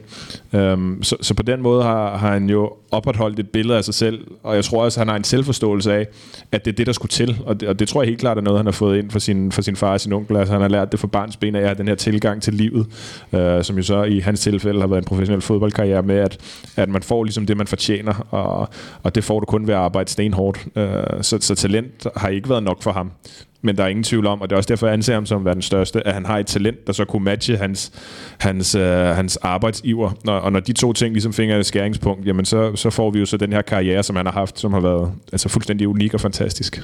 Han var, som nævnt tidligere, seks sæsoner hos West Ham, før han skiftede til Chelsea, hvor det var Claudio Ranieri, der var manager på daværende tidspunkt. Han ville gerne øh, forbedre ham defensivt, og selvom Lampard aldrig blev en defensiv midtbanespiller, så kunne han jo godt arbejde bagud også. Han kunne også spille øh, central midtbanespiller, han kunne sågar også spille tier, og så kunne han jo nærmest agere som backup for angrebet med sine løb ind i feltet, uden at være en falsk nier, så var han jo alligevel rigtig, rigtig øh, god til at score mål. Han var også god på dødbolde, og var en god frisparkskytte og en, meget, meget sikker straffesparkskytte. Han scorede rigtig, rigtig mange mål for Chelsea også på straffespark. Han var med på det her hold, der i 2005 vandt den første titel i 50 år under Jose Mourinho, og det var efter Roman Abramovich's ankomst selvfølgelig, og de mange millioner, der fulgte med ham. Hvor meget vil I sige, at Frank Lampard fyldte på det her titelvindende 2005-hold, som jo måske i virkeligheden er det bedste Chelsea-hold i historien? Eller hvordan ser I på det? Ja, nu er det jo nu er det nogle år siden. Øh, også for mig, jeg var 12-13 år gammel, så det er, ikke, det er ikke så meget, jeg kan huske. Men jeg kan selvfølgelig huske, at vi var, vi var, vi var ganske suveræne, som du siger, øh, i, i den sæson. Han bliver jo topscorer øh, i den sæson. 13 mål, øh, tror jeg, han ender med at lave. Øh, så det, det i sig selv, synes, synes jeg, siger en, en hel masse. Øh, øh, og han har selv beskrevet de her mål mod Bolden, som vist nok er den afgørende kamp, øh, hvor, de, hvor de vinder mesterskabet, hvor han laver de to kasser, som, som sikrer mesterskabet, som, som nogle af de, de bedste i hans karriere. Øhm, så, så jeg synes, ligesom tallene viser sit, øh, sit, sit tydelige sprog, at, øh, at han bare var en, øh, en, en, en essentiel del af det hold der. Øhm, og, og vi kommer nok til at nævne det her med, med ankeret op igennem midten, altså at uh, Check, Drogba, øh, eller Check, Terry, Lampard og Drogba, de her fire spillere, som, som jo lidt var var, var talismanden i det her, øh, på det her titelvindende øh, hold. Og der var Lampard øh, en, af, en af de fire, som, øh, som, som, som var, var, var helt unik i, i den sæson der. Så jamen, han, han, fyldte, han fyldte helt vildt meget. Jeg er meget enig. Altså, jeg synes nødvendigvis ikke, han var den bedste spiller på det her tidspunkt, på det her hold, men han var absolut øh, en, en meget, meget, måske den mest bærende spiller sammen med John Terry. Altså, jeg er ikke i tvivl om, at det var dem, der sådan styrede omklædningsrummet, og det var dem, der ligesom blev lyttet til. Øh, sådan selv kan vi se der på banen, der, der, der, må jeg sige, sådan en spiller som Makelele, altså har en kæmpe stjerne på det her tidspunkt for mig, der, der kom fra Real Madrid, inden han var, han var altså muligvis øh, den, den, en af de allerbedste spillere i verden på det her tidspunkt, i hvert fald på sin position. Han, øh, han, for mig er han nærmest defineret definerede den her defensive midtbanerolle, øh, den måde han gjorde tingene på, også øh, i, på det her tidspunkt i Chelsea, det, det var ret unikt. Øh, så sådan på banen har han måske været bedre. Der var også en Drogba, som jo var sindssygt afgørende for dem, og bare lavede altså mål en masse, og også rigtig vigtige mål. Øh, så der har måske været nogen, der sådan individuelt til tider har overstrålet Lampard lidt, men jeg tror på kontinuitet og på betydning, Uh, og når jeg siger betydning, så mener jeg også uden for banen og i omklædningsrummet. Uh, der tror jeg, at han absolut har været den vigtigste faktor sammen med John Terry. Um, jeg tror, uden øh, de to spillere, og i den grad Lampard, så, altså, så kunne tingene ikke hænge sammen. Uh, og, og det er jo både kvad de mål, han kommer, altså han kommer i det her anden geled ind i boksen og laver vigtige mål, vigtige kampe, tør at tage straffesparkene på sig, når det gælder allermest. Uh, at, at du kan kombinere de ting, det, det er sådan ret unikt, men, øh, men, men der har nok været, på det her tidspunkt i hans karriere, har der nok været nogle spillere, der lige overstrålede ham lidt sådan rent kvalitetsmæssigt på banen. Men, men her taler vi jo så også på givet tidspunkt, altså absolut altså verdensstjerner og et hold, der burde have vundet altså Champions League og, og burde også have vundet muligvis flere ting, end, end de gjorde. Men den sæson øh, 2004-2005 er også den sæson i Chelsea, hvor han, øh, eller bare sådan i det hele taget, har spillet flest minutter øh, i, i sin karriere, så det synes jeg også er med til at, at understrege hans betydning for, øh, for det, for det titelvindende hold der, at, øh, han bare var på banen stort set hele tiden. Øh, så øh, så det, det kan man ikke rigtig øh, sige så meget til. Han var, han var vigtig. Og det er jo også, altså i 2005, der bliver han også nummer to i Ballon d'Or øh, afstemningen, så, så det siger jo også noget som om, at det ikke er hvem som helst, vi har med at gøre her. Altså, men, men det er jo også måske lidt et, sådan et, et et, et præg på hans karriere, et prædikat, han kan få i dag, at han, han nåede jo altså fantastiske højder. Men Messi, øh, Ronaldo, Zlatan, øh, i min bog også en Makelele på hans plads, øh, en Drogba, Altså, jeg vil ikke omtale ham sådan, som individuelt lige så god spiller som dem, men niveauet sådan lige under. Så den absolut verdenselite, også hylde et, uden tvivl, men, men der er bare de her unikke talenter, som lige er et skridt højere. Øhm, og, og, og der vil jeg alligevel ikke sætte ham, selvom øh, man må sige, at han, han, han på sin egen led har haft en fantastisk sæson, og, eller ikke en fantastisk sæson, men en fantastisk karriere, og har gjort det over så lang tid, hvor der er mange, der kommer derop i en periode, øh, og er der. Men Frank Lampard har ligesom været der i ja, gode vel 10 år i træk øh, været på absolut hylde i verden.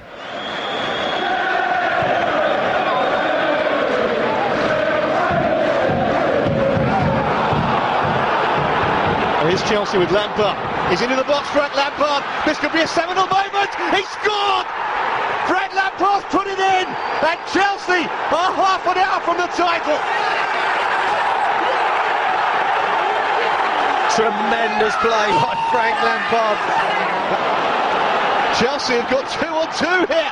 This could be the title. Frank Lampard to win it. He's got it.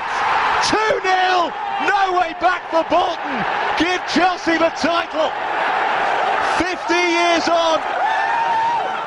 Ja, her hørte vi så lige målene, øh, eller lyden fra målene fra netop den her Bolton-kamp, øh, der sikrede mesterskabet til Chelsea i 2005, som Martin fik nævnt lidt tidligere, hvor Lampard altså lavede begge kasser. Og det er jo selvfølgelig bare det her mesterskab øh, første højdepunkt af mange for Lampard i Chelsea, hvor han udviklede sig stille og roligt til den verdensklasse spiller, vi så, og vi alle sammen fik lov at følge i mange, mange år.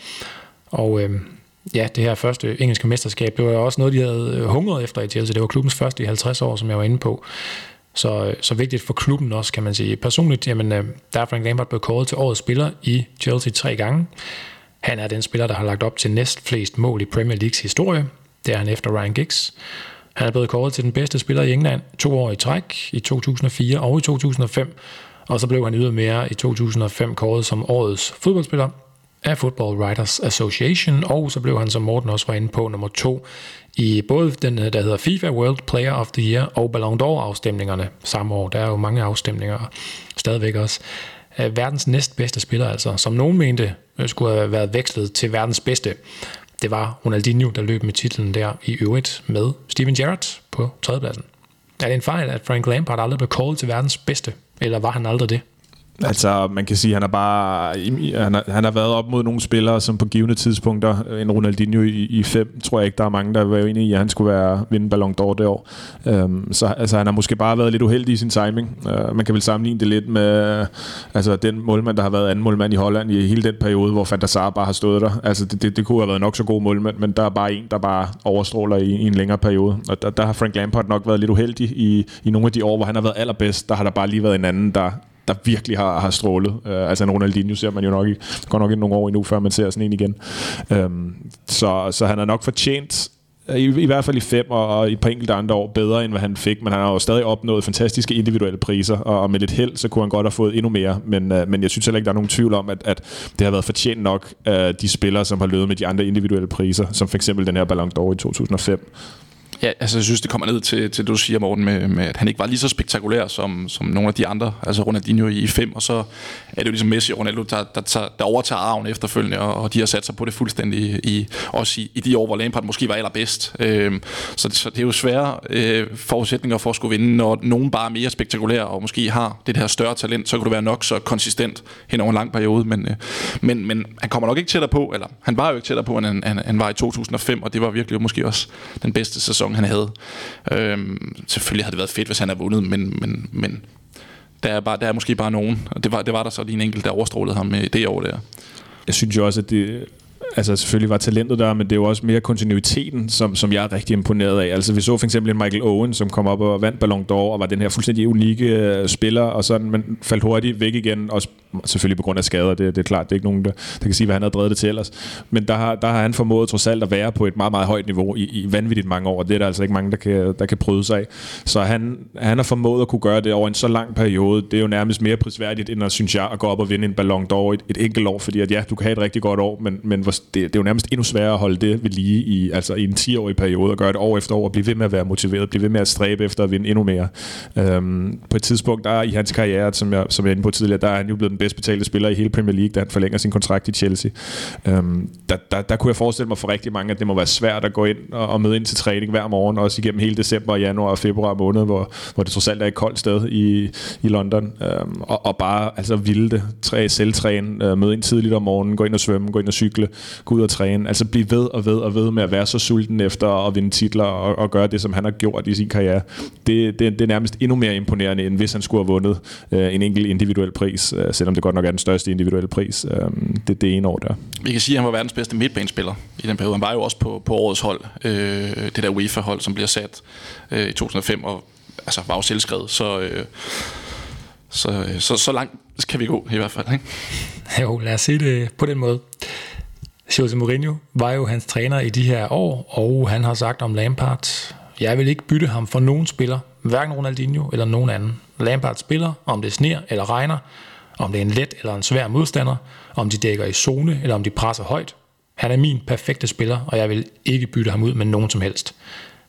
Det er meget flotte ord fra en stor træner, det her. Måske det smukkeste, han har sagt, udover He's the special one.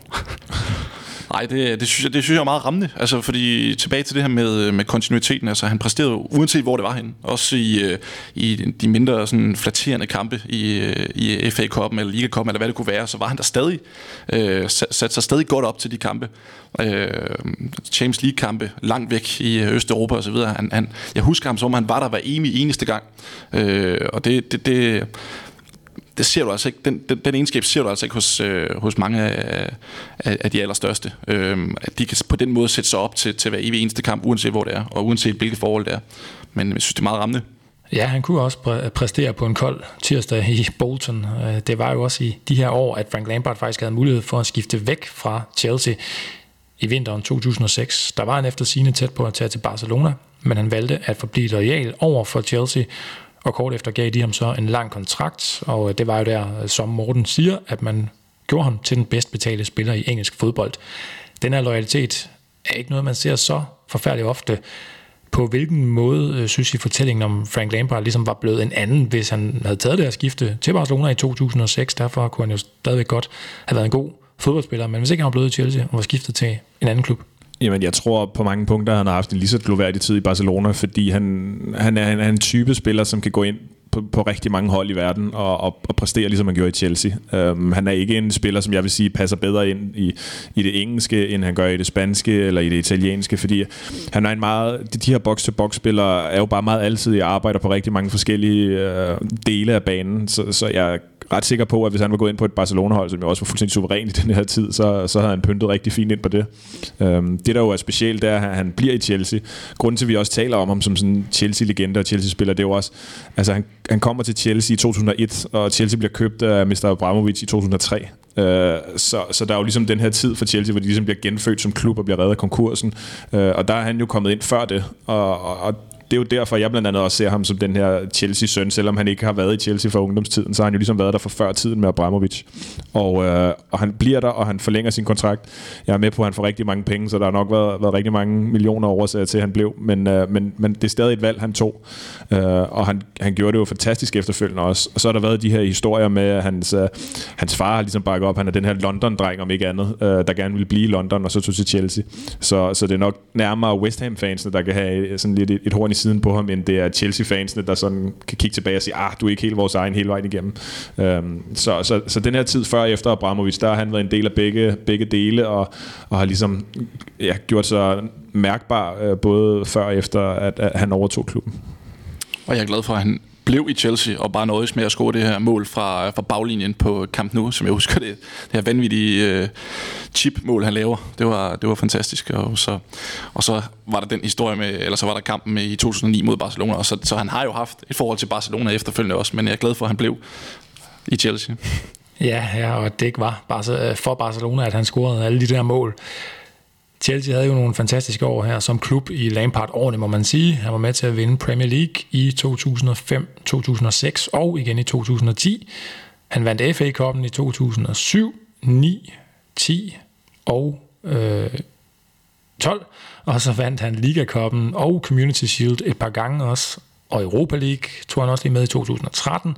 Den største titel af dem alle, den fik han selvfølgelig også øh, noget jo lige at vinde Champions League også i 2012 en lang årrække, hvor han var god selvfølgelig. På, øh, på hvilket tidspunkt i karrieren husker I ham som, som bedst? Altså toppede han i en bestemt sæson, eller var han bare generelt god? Ej, det er også det, er også det der med, med Lampard. Han, øh, han havde jo den her evne til at score mindst 10 mål i øh, Premier League igennem rigtig mange sæsoner, så det er, også, det er jo svært at udpege øh, en dårlig sæson for ham. Og, på, og nu kommer vi igen til at snakke om det her med, at han var så konsistent, som han var øh, over en længere periode, og det, det kommer jo til udtryk også på, på, på de statistikker, der er omkring ham øh, i forhold til antal mål. Men 2005 var jo unik, øh, han var tæt på at blive, blive den bedste, men, men men de 3-4 år efter 2005 synes jeg var han var han var han var outstanding. Scorede også i øh, i Champions League finalen i, i 2008 mod mod United. Øh, en kæmpe profil i den sæson også. Øhm, så sådan de år har nok været også sådan rent fysisk måske på på toppen af, af sin karriere. Øhm, så det, det er nok sådan de år jeg vil pege på at sige. Der der der skulle man stå tidligt op hvis man vil øh, hvis man vil være bedre end Frank Lampard. Jeg vil også sige, altså han er jo ikke en spiller, hvor man kan sige, der er sådan et år, hvor han nødvendigvis har været meget bedre end alle de andre år, fordi jeg, jeg føler jo, han nåede også kvæg hårdt arbejde et, et maks talent øh, for ham, og, og har så bare valgt at opretholde det talent igennem så mange år, så, så derfor er det svært at sådan sige, at han har peaked endnu mere øh, et enkelt år, men man kan sige, der var 12 sæsoner i træk, hvor han, hvor han scorede 10 mål eller mere, som, øh, som vi var inde på. Øh, og så har han så vundet Champions League øh, en enkelt år, så, så det må jo næsten være det år, man, man så kan tage ud af de her 12 år, hvor, hvor det sådan peaker for ham, fordi han vinder den største titel, der, der er europæisk set. Um, øhm, og han har vundet flere engelske mesterskaber, han har vundet flere FA Cups, han har vundet nogle individuelle priser, men der er trods alt kun et år, hvor han har vundet en Champions League. Um, så, så hvis man sådan skal, skal kigge på det ud af de her 12 sæsoner, han har, som, som alle sammen har været rigtig fantastiske, så, så vil jeg sige, at den her Champions League-år, det, det, det må være et år, han, han klart husker tilbage på. Og der var han jo ikke, ikke en del af et lige så stærkt hold, som han var i, øh, i de andre sæsoner, som vi snakker om, 5-8 måske det der, det der 2012-hold, det var sådan lidt, lidt, lidt mystisk på mange måder. Øh, lidt vildt, vi vandt Champions League det år. Det var, det var ikke lige så stærke navne, han var omgivet af. Øh, så ikke desto mindre endnu mere imponerende, at det, det lykkedes for, øh, for ham at, at hæve trofæet der. Så øh, det var fantastisk. Ja, for der var det jo netop glippet øh, lige nøjagtigt for Lampard og Chelsea der i forhold til Champions League i 2008. Øh, og det var det år, hvor Lampard blev 30, så det passer også meget godt med, hvad I husker, at der er mange spillere, der jo nyder øh, de bedste år i karrieren i årene, der lige før og omkring de 30 år. Men øh, han nåede altså at vinde Champions League. Hvor, hvor stor en rolle, vil I sige, spillede Frank Lampard for hele opbygningen af, af Chelsea som institution sådan på den internationale scene, altså som en, en af de nye magtfaktorer på den europæiske scene? Jamen en, enormt stor. Altså, man, man skal ikke undervurdere, hvad ham og John Terry har gjort. Altså, da, da Abramovic han, han overtager Chelsea i 2003, der køber han 18 nye spillere, øh, hvor Lampard jo også selv var inde og udtale, at han var lidt nervøs for, om han kunne komme ud i kulden på grund af alle de her nye indkøb, der kom. Altså, der, der skulle han virkelig bevise, at han havde niveau til at være med. Øh, det er spillere som Drogba, Crespo, øh, Makalele, nogle, nogle af de her drenge, der bliver købt ind. Øh, absolut verdenselite. Øh, og Abramovic mener seriøst, at han skal vinde øh, alle titler, der nærmest er at spille med. Øh, og, og på det her tidspunkt i, i Lamberts liv, der kunne man godt, altså der er der i hvert fald flere folk, der godt kunne have sat spørgsmålstegn ved, om han var god nok til at være med altså på den absolut verdenselite. Nu taler vi ikke længere om et tophold i Premier League, nu taler vi altså om et hold eller Barcelona, AC Milan, Real Madrid, Juventus, nogle af de her Manchester United, der skal ud og vinde, altså ikke kun i England, men også i Europa. Uh, og der må man jo bare sige, at der beviser han jo både sin træner, øh, Mourinho og alle andre, øh, at, at det er han mere end klar til at gøre, og han er, ikke bare, altså, han er også klar til at være en dominerende faktor, både på og uden for banen. Det, det tror jeg overrasker en del, at han, han alligevel var så god. Altså, og man må sige, at hans, hans karriere tager nogle seriøse skridt i, i de år der, fordi han ligesom går fra at være en dygtig spiller til at være en, en spiller på hylde 1 i hele Europa, og en spiller, som ja, er attraktiv for nærmest alle andre klubber. Jeg tror, hvis han havde haft kontraktudløb, før han fik uh, her til allersidst i sin karriere, hvor han skiftede til USA, jamen så, så er der ikke tvivl om, at, at nogle af de største klubber i, i verden havde, havde haft øh, snøren ud efter ham. Og det, det tror jeg ikke nødvendigvis var givet tidligere, netop som jeg også var inde på, var han jo ikke det her fuldstændig sindssyge børnetalent, som alle bare ville have fingrene i som ung spiller. Altså han er, han er, det er ligesom kommet lidt senere. Han skifter til Chelsea i en alder af 22. Uh, øh, så han er jo ligesom i, i sådan 20-25 opbygget øh, et navn for sig selv, og har gjort det den vej igennem, og ikke nødvendigvis kommet ind på scenen som bare en, der bare har ødelagt alle rekorder og alt, som vi ser for eksempel Messi har gjort. Uh, så det er sådan lidt en, lidt en anden vej, han har taget, øh, selvom talentet jo selvfølgelig har været der hele vejen igennem, men nødvendigvis ikke et talent, der kunne bringe ham til der, hvor, han, hvor hans karriere har, har bragt ham hen. Men i forhold til spørgsmålet om, omkring øh, den europæiske scene, altså han var jo en teamplayer, og han var det sammen med, med Mourinho, øh, som kom til der, og så øh, Terry, Drogba og Cech, vi har nævnt dem nogle gange, men altså de fire var jo ligesom med til at sætte standarden for, for Chelsea i Europa. Øh, og, og, og hvad pejlemærket ligesom skulle være i forhold til, øh, til, til, til meritterne i Europa og, og Champions League, var jo det helt store mål for, for Abramovic, efter, efter vi lykkedes med at vinde Premier League i, i den sæson 4-5 der. Ikke? Øhm, og der var, der var han jo en del af den stamme der, øhm, som, som, som en del af de fire navne plus Mourinho på, på bænken. Men det, jeg synes bare stadig, det er sjovt, at det var med et helt andet hold, med, eller et langt dårligere hold, end, end det, som, som de kunne have vundet med i, øh, i, de, i de gode år fra, fra 4-5 til, til 8 stykker. Lampard goes for goal! Oh, stunning effort from Frank Lampard. Like an arrow to the top corner. This is Lampard. He's on a hat trick. He's got it. Tucked away into the corner. 20 for the season now for Frank Lampard.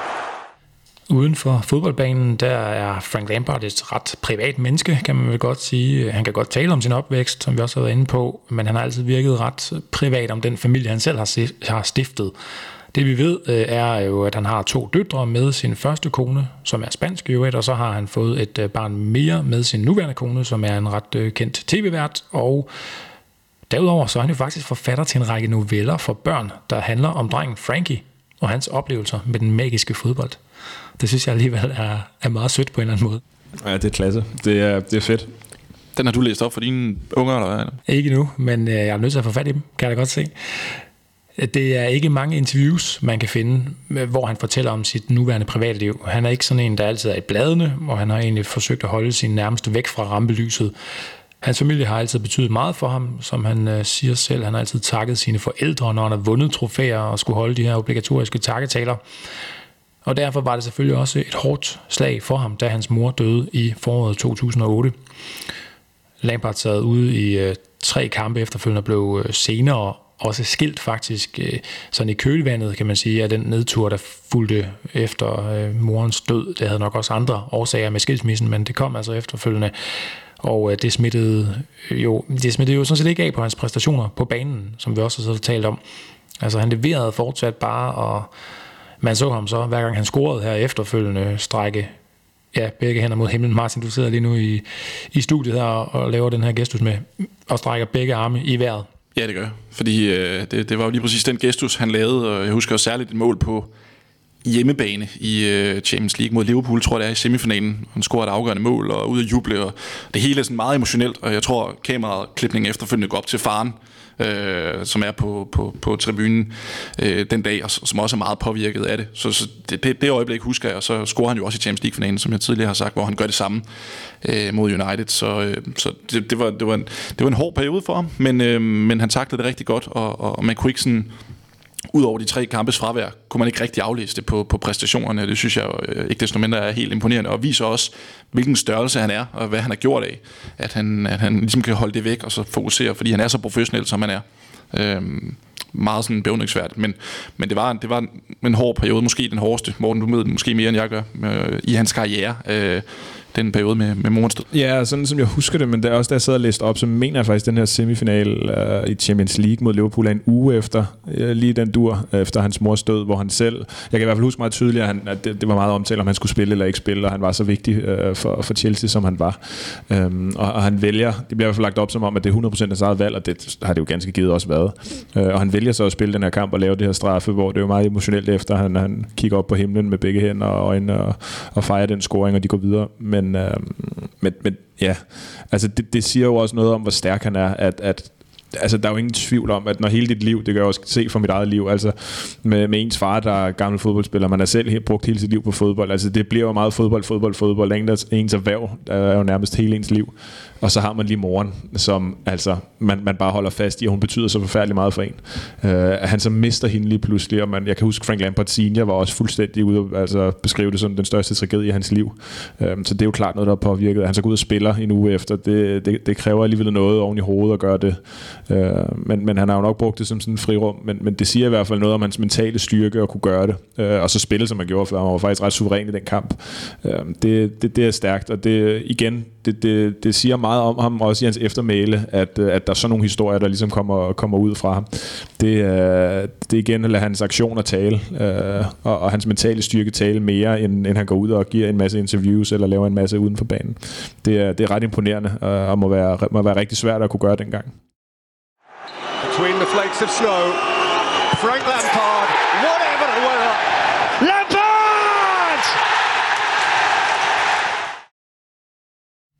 Vi skal også lige forbi Frank Lampards tid hos The Three Lions, det engelske landshold. Altså han fik debut på landsholdet i 1999 og nåede at spille 106 landskampe og lave 29 mål. Frank Lampard trak sig tilbage fra det engelske landshold efter VM i 2014. Han nåede at deltage ved tre verdensmesterskaber og blev faktisk topscorer for England i deres kvalifikation til VM 2006. Så mål kunne han også godt lave på landsholdet, jo, så selvfølgelig, selvom det måske ikke var helt så mange som, øh, på klubplan. Hvilken arv øh, synes I, at han efterlader sig som landsholdsspiller for England?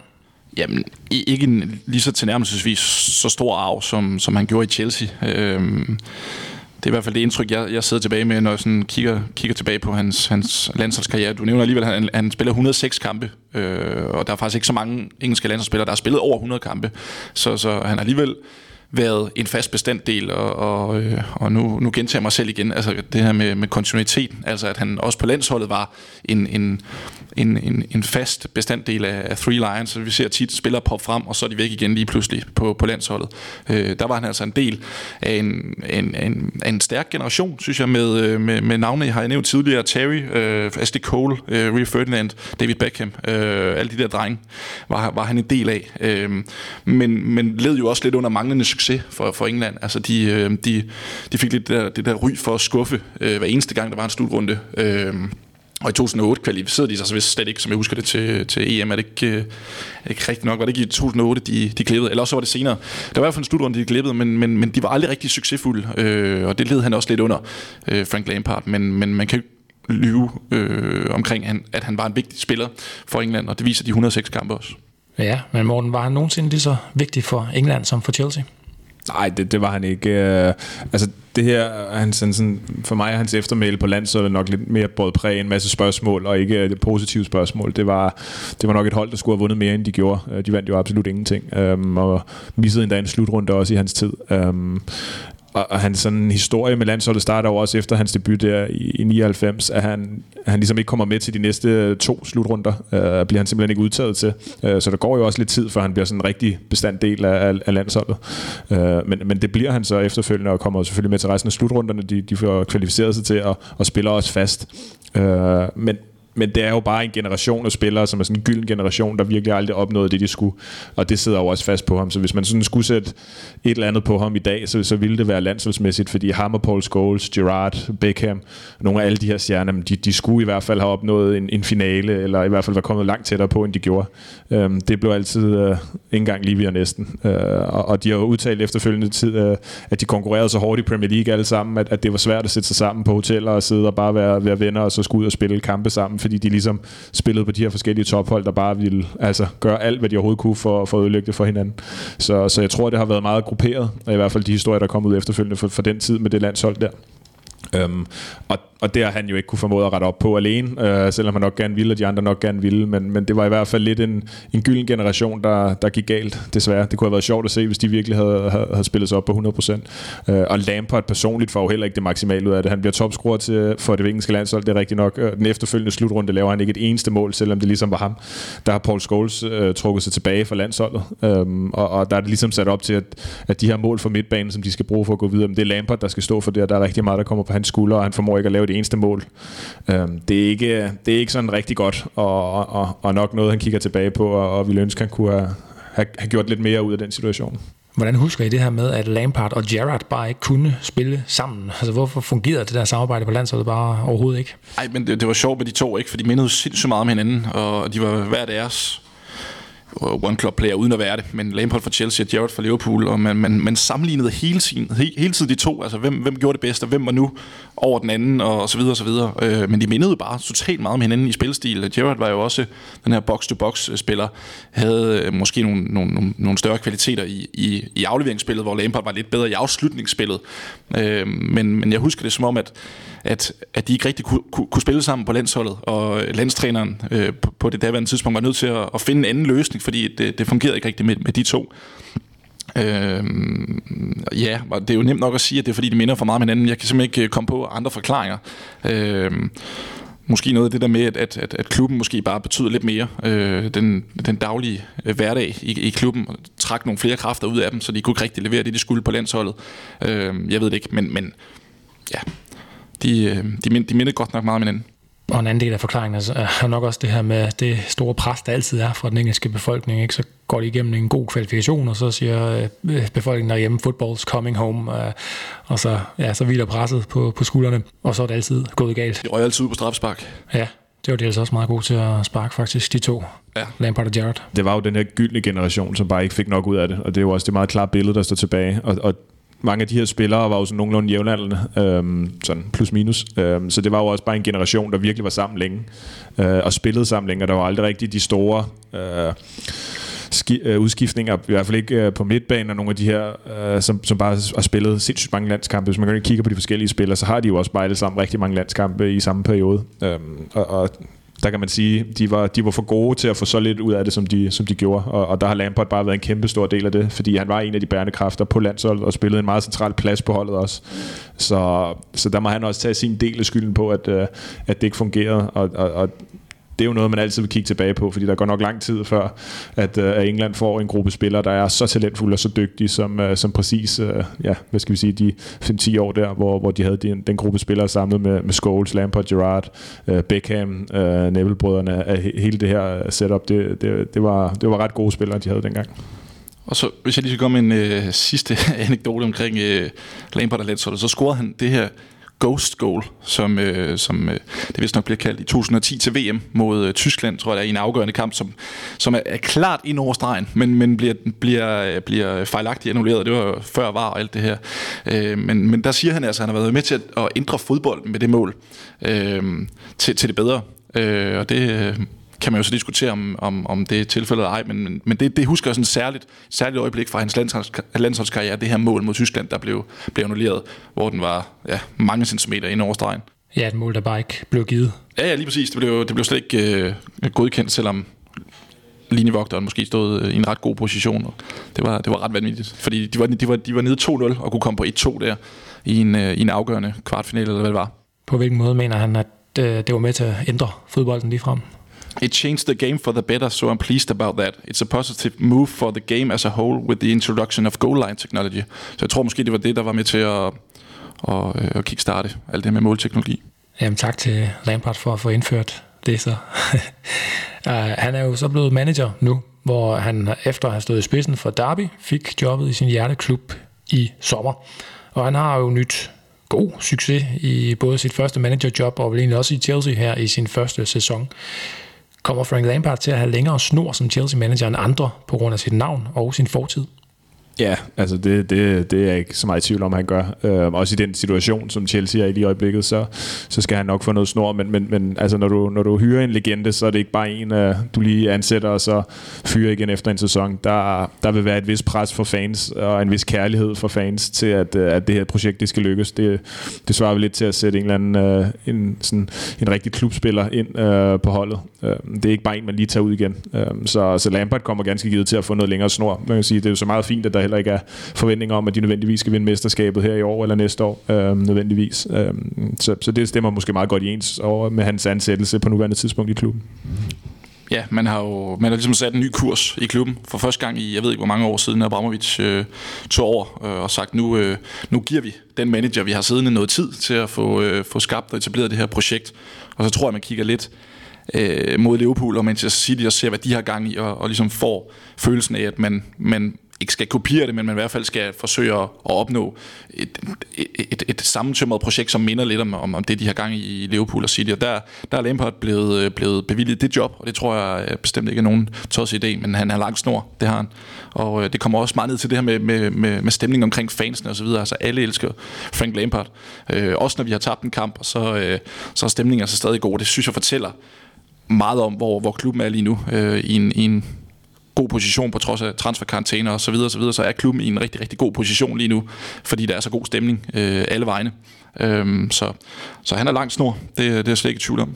Men kan det komme til at skade hans forhold til fansene, hvis det så alligevel kører skævt, øh, det her med ham som manager i sin gamle klub?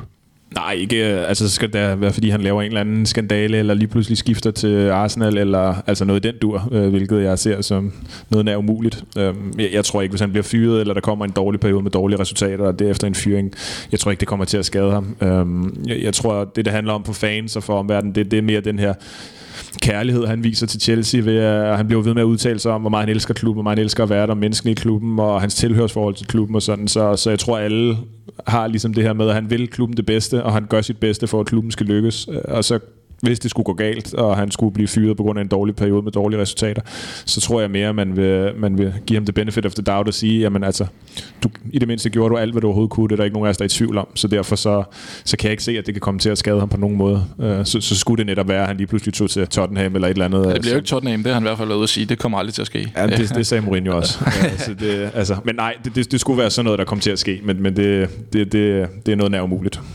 Ja, det er Chelsea-fansene derude nok glad for at høre, hvis det i hvert fald bliver sådan. Øh, tror jeg, at han bliver en manager-legende i Chelsea, ligesom han blev det som spiller? Jamen nu er jeg, øh, jeg var en tur på, øh, på Goodison og se øh, Chelsea mod, øh, mod, mod Everton der, hvor man ligesom med til at lægge lydtapet til, til den kamp. Og der sang, eller der blev præsenteret for en ny sang øh, til øh, Frankie Lampard, øh, som går sådan her, We've got super Frankie Lampard, he knows exactly what we need.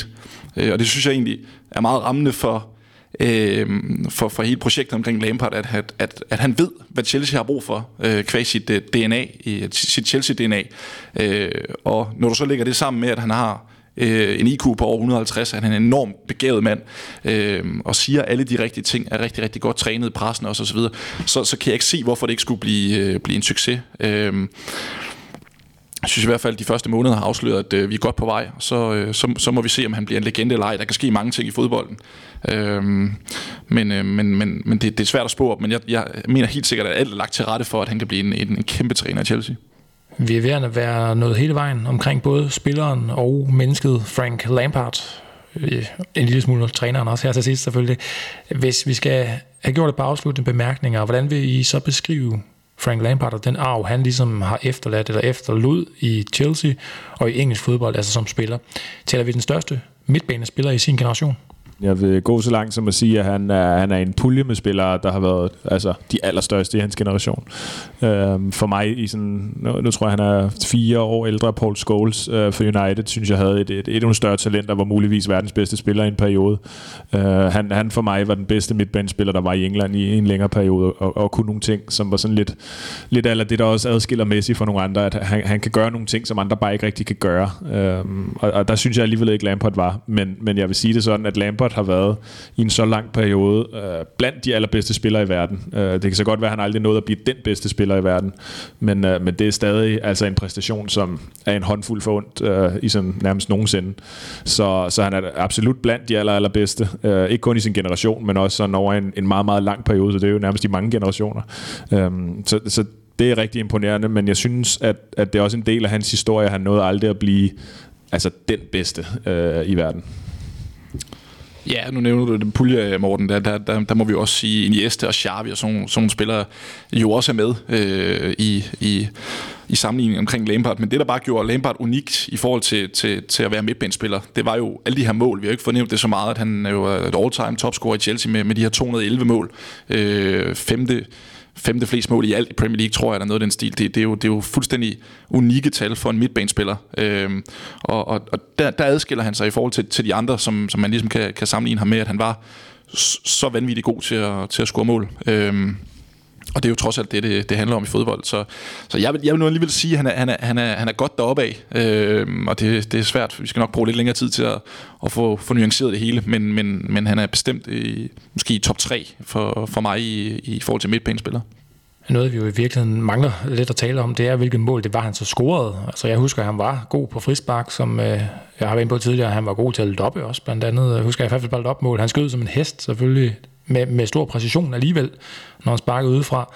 Og øh, så selvfølgelig alle de her mål, hvor han også ankommer sent i feltet, som vi også har været inde på i udsendelsen. Men øh, han scorede jo altså rigtig mange mål af, af den slags. Så scorede han en god portion straffesparksmål også. Jamen jeg sad, da han blev udnævnt i, i sommer øh, som manager, der lagde Chelsea en video op med alle hans, øh, hans 211 mål. Øh, en 40 minutter lang video. Den satte jeg mig ned og så. Øh, og det, det, der gik igen, det var jo selvfølgelig langskud. Øh, rigtig, rigtig mange langskudsmål. Og så det her med at ankomme sent i boksen. Øh, øh, sådan re- re- returneringer fra forsvarsspillerne, som han øh, sparkede i kassen. Øh, bolde, der dumpede ned i feltet. Øh, et hurtigt touch, hvor han vender rundt på en tallerken, og så afslutter med, med, med begge ben. Øh, han var også okay på låget. Øh, det var mange forskellige slags mål. Og så straffesparken selvfølgelig, hvor han måske var, var verdens bedste øh, til det, øh, til den disciplin i, i sin tid.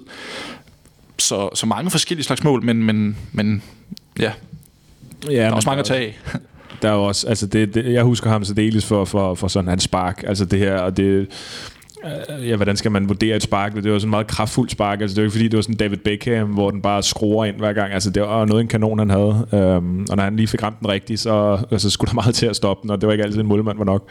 Øhm, der, der, der, har han lavet nogle ret unikke mål. Så altså, jeg husker sådan, han spark udefra, der var han altid en trussel, og det var, det var noget, alle hold skulle respektere, fordi det var altså rimelig giftigt, selvom uh, han stod 15 meter fra kassen, så, så kunne han sagtens sparke den ind. Uh, det var ret fedt. Og så er han jo også, altså, så, han, han sparkede jo rigtig, rigtig mange frispark i Chelsea igennem alle sine år der, øh, og har også været sådan nærmest den primære straffesparkskytte i, i langt de fleste år, han også var der. Og det har jo også været med til at give ham en masse gratis mål, øhm, som jo er rigtig, rigtig klogt at sige, at jeg, jeg dygtiggør mig i de to discipliner, fordi at øh, det er jo alt andet lige med til at, at, at give ham, hvad skal vi sige, et sted mellem 5 og, 5 og 8 mål per sæson øh, på, på straffe og frispark alene, hvis du er dygtig til, til de to ting.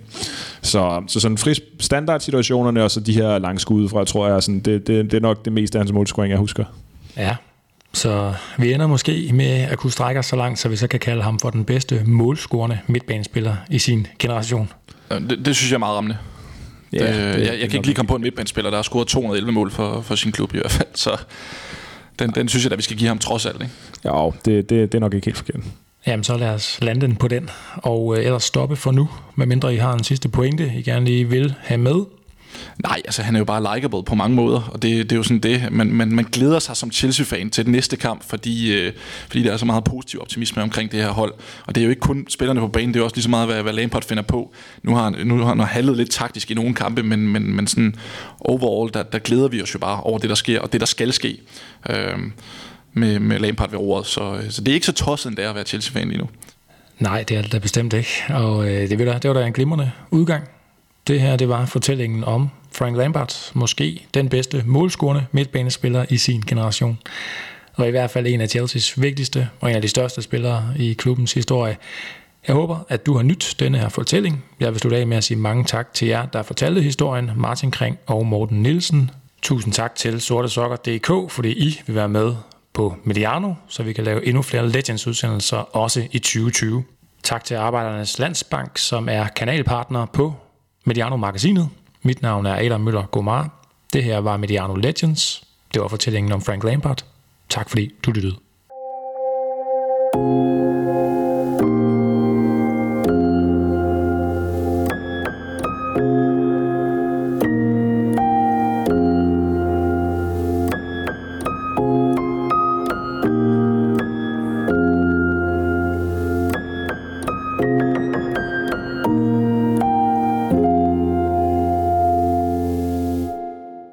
Denne udsendelse er produceret af Mediano Media og sponsoreret af Arbejdernes Landsbank, Medianos hovedpartner. Og så vores nye partner, sortesokker.dk, partner på hele serien Mediano Legends. Dem hører du lidt mere om i udsendelsen, fordi de er en vigtig årsag til, at vi kan lave dette indhold.